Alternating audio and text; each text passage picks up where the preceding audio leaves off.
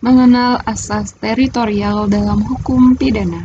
Salah satu asas dalam hukum pidana adalah asas teritorial yang berarti perundang-undangan pidana suatu negara berlaku untuk setiap subjek hukum yang melakukan tindak pidana di wilayah negara bersangkutan.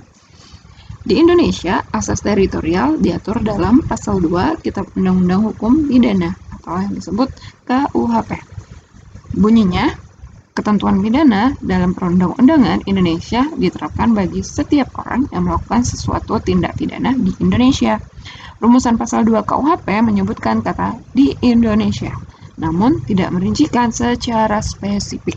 Rincian mengenai hal tersebut diatur dalam pasal 1 Undang-Undang 43 tahun 2008 yang menyebutkan wilayah Indonesia mencakup daratan, perairan, dan juga ruang udara yang berada di atasnya. Asas teritorial juga ditemukan dalam pasal 3 KUHP yang berbunyi, ketentuan pidana dalam perundang-undangan Indonesia berlaku bagi setiap orang yang di luar wilayah Indonesia melakukan tindak pidana di dalam kendaraan air atau pesawat udara Indonesia. Penggunaan kata di luar wilayah Indonesia pada pasal 3 KUHP menunjukkan bahwa pembentuk undang-undang menganggap kendaraan air atau pesawat udara sebagai bagian dari wilayah negara Indonesia. Hal ini untuk mengantisipasi apabila terjadi tindak pidana di atas kendaraan air atau pesawat udara berbendera Indonesia.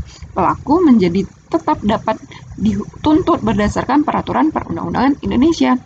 Adapun berdasarkan pasal 95A Undang-Undang Nomor 4 Tahun 1976, adapun yang dimaksud dengan pesawat udara Indonesia adalah satu pesawat udara yang didaftarkan di Indonesia, dua pesawat udara asing yang disewa tanpa awak pesawat dan dioperasikan oleh perusahaan penerbangan Indonesia.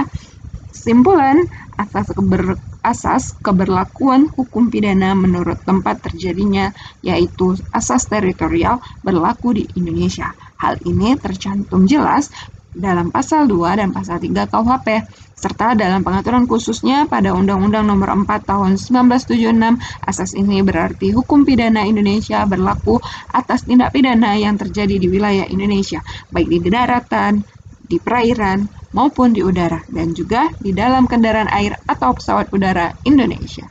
Terima kasih telah mendengarkan.